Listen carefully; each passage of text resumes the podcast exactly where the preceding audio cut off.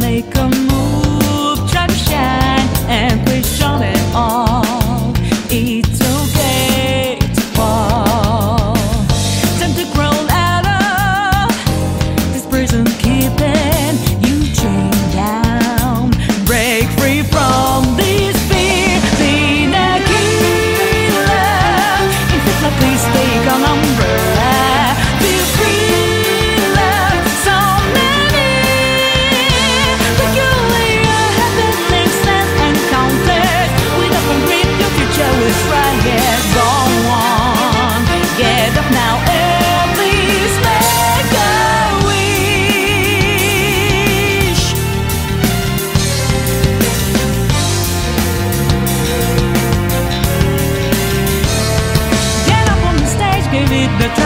One more time. Give up that sad now.